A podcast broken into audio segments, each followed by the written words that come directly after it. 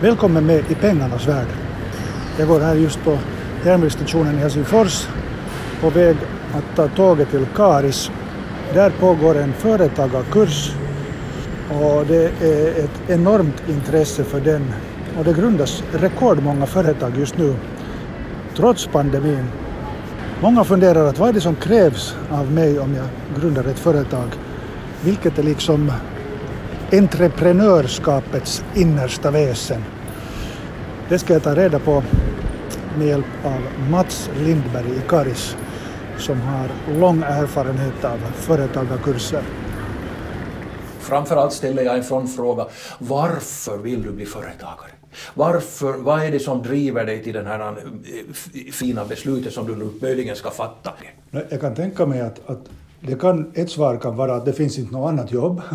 Men, men, men sen, jag har nämligen stor respekt för, för människor som startar eget, att det krävs mod och det, eh, man ska vara en risktagare och man ska vara energisk. Och sen tänker jag att ibland finns det väl folk också som helt enkelt ser någonting som de andra inte har sett. Att här kan jag nu nischa in mig. Det finns, men om vi ser på människor som deltar i, i vår utbildning här så är det många som är i den situationen att man, man söker ett, ett arbete, det finns en sån grupp. Sen finns det människor som har en, äh, vill börja göra det som man faktiskt tycker om och, och förverkliga det. det. Det är liksom en, en sån här ambition att så småningom lösgöra sig från sitt dagliga arbete och, och, och förverkliga sig själv på det sättet, att bli sin egen herre. Men framför allt att få göra det som man tycker om. Och så har vi en, en grupp som eh, har en situation att man behöver lära sig hur ska jag fakturera för mitt arbete. Att arbetslivet förändras och det blir också en, en, man måste ha en beredskap att förutom att vara då en duktig löntagare så ska man också ha beredskap att vid behov kunna fakturera för sina tjänster eller det arbete man utför att den här typen av, av studerande eh, skulle jag säga att det bildar den här stora, stora gruppen. Sen utöver det finns det förstås andra, andra schatteringar eh, förstås, men, men det här är det vanliga. Hur en personlighet ska man ha? det talas ibland att det ska finnas någon viss företagarprofil och så, men, men jag tycker att eh, det, det, det finns naturligtvis egenskaper som, som är viktiga, till exempel en sån att man ska kunna leda sig själv. Jag tycker det är en väldigt väsentlig eh, egenskap, att, att kunna leda sig själv. Vad det här nu innebär, men, och vi har nu funderat på både här då och då och, och tar upp de här egenskaperna. En är till exempel det här att eh, ha någon form av sån här tidsdispositionsförmåga. Det har visat sig att eh, sådana företagare som lyckas bra ekonomiskt, så där tycker jag mig se den här, det är mina egna privata iakttagelser, det baserar sig på några studier desto mera. Men jag tycker mig se då hos dem en sån här förmåga att man kan, man har liksom en inbyggd eller upptränad förmåga att kunna hantera den tid som står till buds. Det vill säga kunna göra prioriteringar, man, kan, man liksom vet lite vad man ska fokusera på, det här är ju självledarskap också, men att få tiden att räcka till, alla får inte tiden att räcka till, vissa får det, varför får de det? Jo, de har den här förmågan att kunna hantera sin egen och, och då också indirekt andras tid på ett sådant sätt att det faktiskt lyckas. Planering, självdisciplin, sådana faktorer. Annars kör man slut sig. Man kör slut sig och så mister man ju kunderna och så tar verksamheten slut. No, Sen får man tid att vila. No, precis. Jag har just precis i, när jag på, på väg hit så fick jag ett meddelande av en bekant som gick i konkurs nyligen, som startade restaurang och allt var frid och fröjd. Men sen var det den här pandemin som tog koll på, på den verksamheten och som alla vet var ju restaurangerna speciellt utsatta. Hon har nu bytt bransch och hon är jätteglad och jättenöjd och hon är alltså arbetstagare. Och, och hon säger att, att det var liksom för henne rätt beslut. Men är det liksom medfött? Har du upptäckt något sånt? Jag menar, du talar här också om att man liksom på något vis bara har det där att man kan leda sig själv. Eller kan man lära sig det? Jo, nu, nu, jo, man kan lära sig, man kan träna upp den här förmågan utan vidare kan man det. Okay. Eh, jo, alltså det handlar ju om att, att dels kunna eh, planera sin tid, alltså att lära sig att hantera de, eh, vad ska vi säga på svenska, kalendern ja. och klockan. Att liksom på det sättet eh, träna upp sig att, att eh, där finns eh, tidtabeller som jag ska följa och för att kunna följa dem måste jag kunna förbereda mig och, och, och för att det ska kunna göras så, så, behöver jag liksom eh, hela tiden ha en koll på, på vad, jag, vad jag så att säga gör. Det här är nu mycket enkelt, det här kräver ju förstås mera än så, men, men visst tycker jag att, att man kan träna upp den här förmågan ifall den inte skulle råka vara medfödd. Det, det, jo, det är nog min bedömning. Men man skulle vara en sån här självgående person. Man ska, vara, man ska gilla att lösa problem. Så har jag tänkt när man är företagare. Jo, det, det har du rätt i, men nu är det så tycker för min del att, att en företagare ska naturligtvis omge sig med goda kontakter.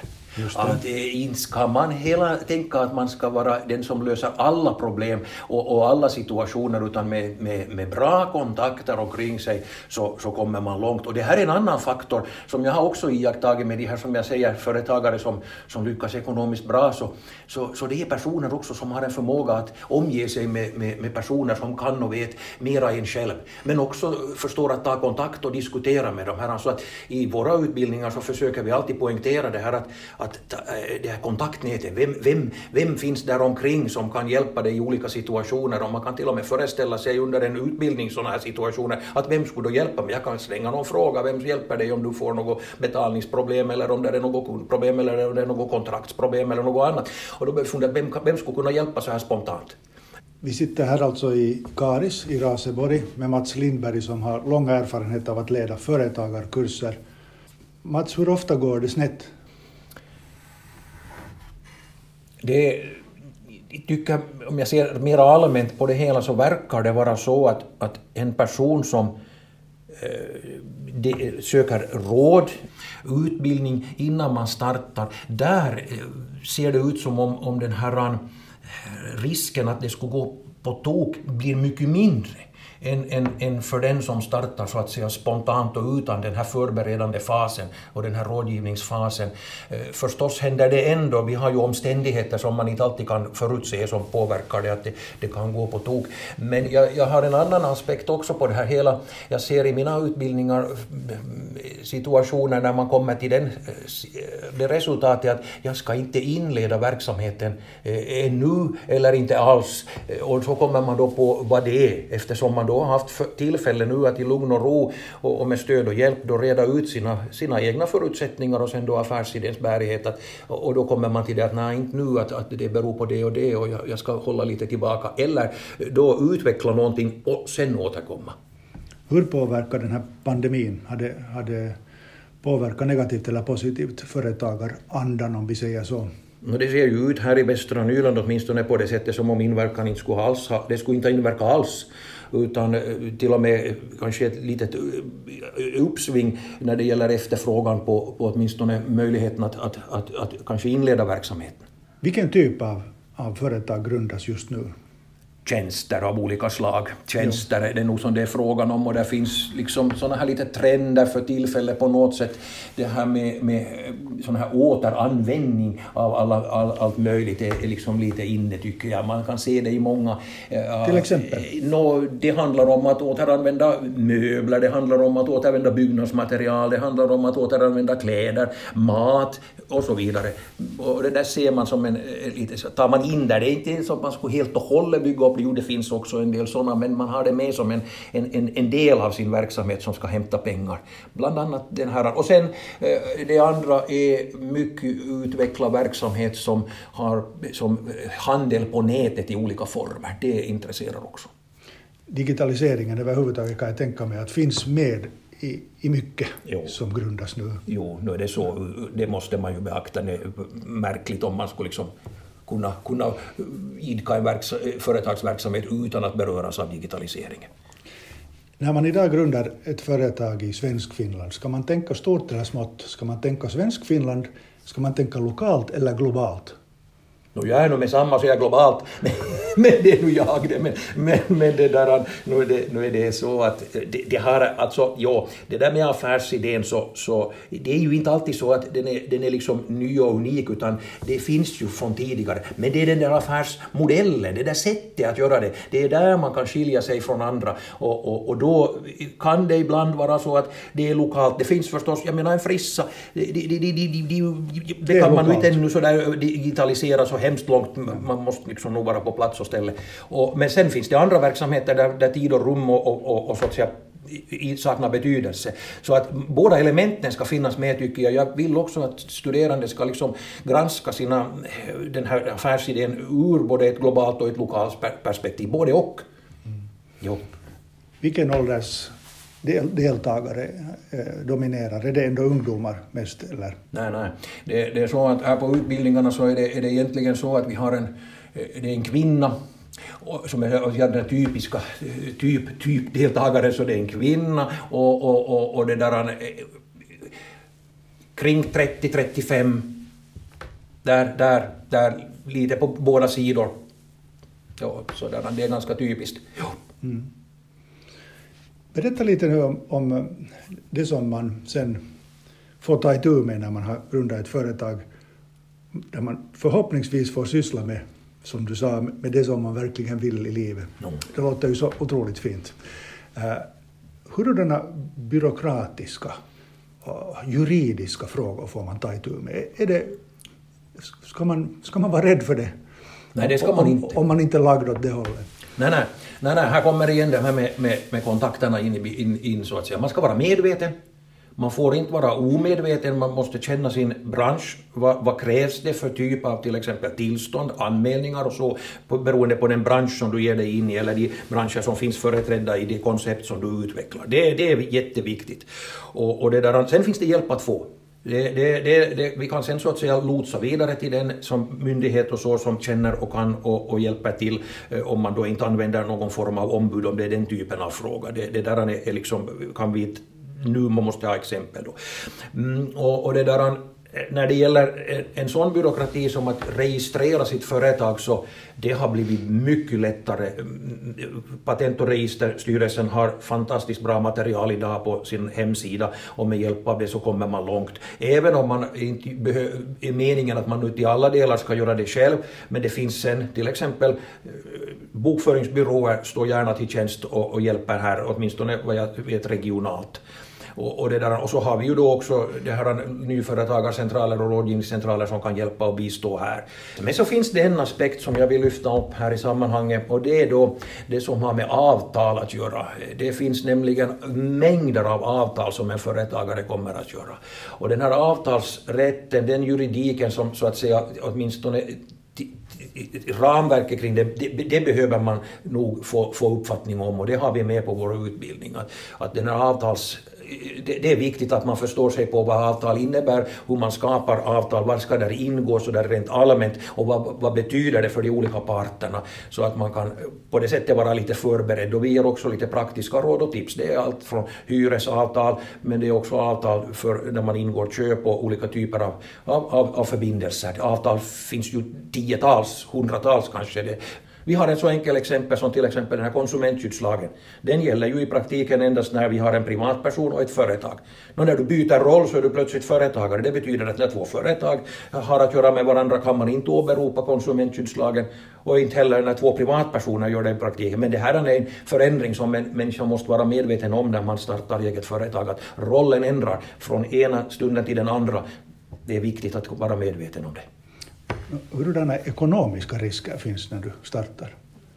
Behöver kanske inte finnas så mycket. Det beror på om, om, om, man behöver kapital, om man måste köpa någonting, några maskiner eller något sånt. Jo, jo, nej, det, det beror mycket på formen av verksamhet. Eh, det är alltså så att om, om du driver din verksamhet på sidan om ditt lönearbete så minskar ju naturligtvis de ekonomiska riskerna i och med att den här är tryggad via din, din, din, din lön. Det, det, är en vanlig form att komma igång, man smyger igång sin verksamhet för att känna efter att är det här nu för mig och hur reagerar marknaden och så vidare. Och då har man lätt att eh, liksom dra sig tillbaka utan att det blir någon större katastrof. Ja. Och, och, det där, men eh, man ska ändå, för, har man den ambitionen att man så att säga bygger upp verksamheten efterhand över en, en viss tidsspann. Ja. så då behöver man ju tänka på det här med startkapitalet.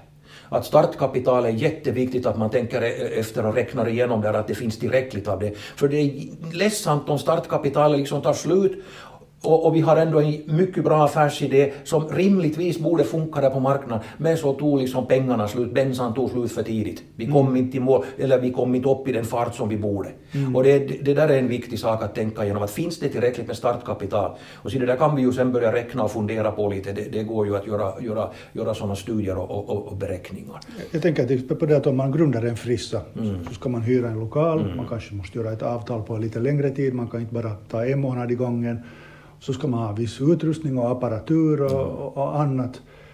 Så då finns det ju då vissa ekonomiska risker där direkt. Mm. Sen å andra sidan om man har en, jag vet inte, en marknadsföringsfirma, mm. så kanske det bara jag och datorn vid köksbordet och då är det inte någon större startkapital som behövs, eller hur? Jag menar, det... Alltså det, det är ju så att det där startkapitalet ska man, tänk dig nu att du, du liksom har en, du startar på riktigt så att säga, du, har, du kör helt och hållet, det är heltidsföretagande. Så då ska den här egna inkomsten också vara tryggad. Eh, du har också ett privatliv med alla de utgifter som hör ihop med den, det kan till och med finnas bostadslån och annat där och då måste man ju studera då det här med att finns det andra i familjen också som kan delta i, i, i betalningen av, av hushållets utgifter eller vilar allt på din nacke. Och är det så, så då ökar ju ytterligare trycket på det här startkapitalet. Och den här eh, situationen att man kommer igång med verksamheten, det, det blir ju tryck på att så fort som möjligt nå en sån försäljning att den täcker då alla de utgifter som finns, inklusive de privata, så att det här går ju runt. Och det här är här som vi, det, det, det, det är en kinkig grej att det där startkapitalet nu räcker till och, och, att vi, vi har det under kontroll. Det, det, det är hit jag vill komma. Det har också så att säga, sikt med den där betalningsförmågan och allt det som vi förstår. Ja, varifrån får man finansiering då? Är bankerna positiva till, till att starta eget om man har en plan som man har gjort tillsammans med, med till exempel då, rådgivningsinstansen mm. med dig? Ja, nu, nu, eh, bankerna tar alla kunder på allvar och, och det där för resonemang och gör också sina egna analyser naturligtvis och de har ju också tillgång då till, till andra redskap än, än, vad jag kan ha här och gör sen sina beslut. Så det där, eh, jag tycker att, att bankerna eh, nog sköter sin roll bra. Sen ska vi minnas att det finns en sån här möjlighet att få en, en, en Eh, säkerhet, alltså staten kan gå som garant för vissa, under vissa omständigheter. Det heter Finvera, den här instansen, och bankerna gör gärna eh, reklam för den här och informerar nog sina kunder om den. Och det här är ju en bra sak om man så att säga får staten att, att ställa upp som, bakom sitt lån på samma sätt som ett studielån. Och, och det, där, så att, det, det, tycker ju också då eh, banken om förstås, och det, det där gör ju då att man kan få loss pengar, pengar på, på ett annat sätt med, tack vare då den här Finveras medverkan. Mm. Startpenning, då får man sånt? Jo, det kan man få. Det är naturligtvis strikta regler för vem som är berättigad till det. Och, men det är så att säga gratispengar? Det är gratispengar, jo. Men det är startpengen, kom ihåg här är en viktig sak, att den är ju då personlig, den är ju liksom din, den, den, den är ju meningen då att underlätta den här så att säga privata delen av, av, av utgifterna och den riktas till dig privat. Och därför är den också beskattningsbar inkomst. Ska man, ska man tänka kon konkurrens eller ska man tänka ny nisch? Jag kan närma mig det där på två sätt. Dels hade vi ju det att, att man, den där affärsmodellen, det vill säga på vilket sätt utför du den här, den här tjänsten. Alltså det är ju så att eh, många, många av våra eh, verksamheter och branscher så, i, har ju liksom urgamla affärsidéer egentligen, men de har hela tiden liksom förnyats in med det där konceptet, det vill säga på vilket sätt genomförs den, den här verksamheten. Och, och det där, kommer man där in med någonting nytt som är annorlunda och som marknaden är mogen för, så då, då kan man mycket väl eh, ge sig in i en marknad som, som enligt studierna är mättad. Det betyder ju tyvärr att någon annan kommer att mista kunder. Det är ju, men, men så här fungerar ju vårt, vårt, vårt näringsliv och, och företagarvärlden är ju sån här. Sen eh, ser vi ju då, det andra sättet som jag tänkte på här är ju det att eh, vi har en marknad som, som eh, på sätt och vis är, är e- mättad, om man säger så, utbudet alltså. Eh, och då betyder det ju att här sker ju också då förändringar så att någon med jämna mellanrum slutar sin verksamhet. Och då finns det ju så att säga åtminstone teoretiskt en, en, en, ett rum eh, för en ny företagare och det är mycket så som jag upplever att marknaden beter sig nog. Men i, inte, nytänkande finns jag, jag, tycker att det finns hela tiden element av nytänkande när det kommer en, en ny etablering så ser man att visst har den här människan tänkt till och visst har den här företagaren liksom försökt odla fram och förädla någonting som är annorlunda i det här konceptet och bygger upp det på, på det som, och nu kommer vi småningom till kundvärdena, det är ju det som är avgörande. Var har det till exempel funnits plats nu att, att komma in med nya företag? Det har varit inom fastighetsskötsel eh, och, underhåll, eh, lite på byggsidan har vi sådana här exempel. Så hälso, hälso, jag tycker jag upplever en sorts hälsotrend också tillika att, att intresse för, för att, att, att dels liksom upprätthålla en, en, en, eh, virilitet och sundhet hos sig själv och sen att förebygga att olika krämpor och, och, och annat drabbar. Så det, det tycks också finnas eh, ett, ett behov av tjänster inom den eh, branschen. Så där, där finns det också en, en, en, en trend. Mats Lindberg, tack för att du var med i Pengarnas värld. Tack så mycket, tack så mycket.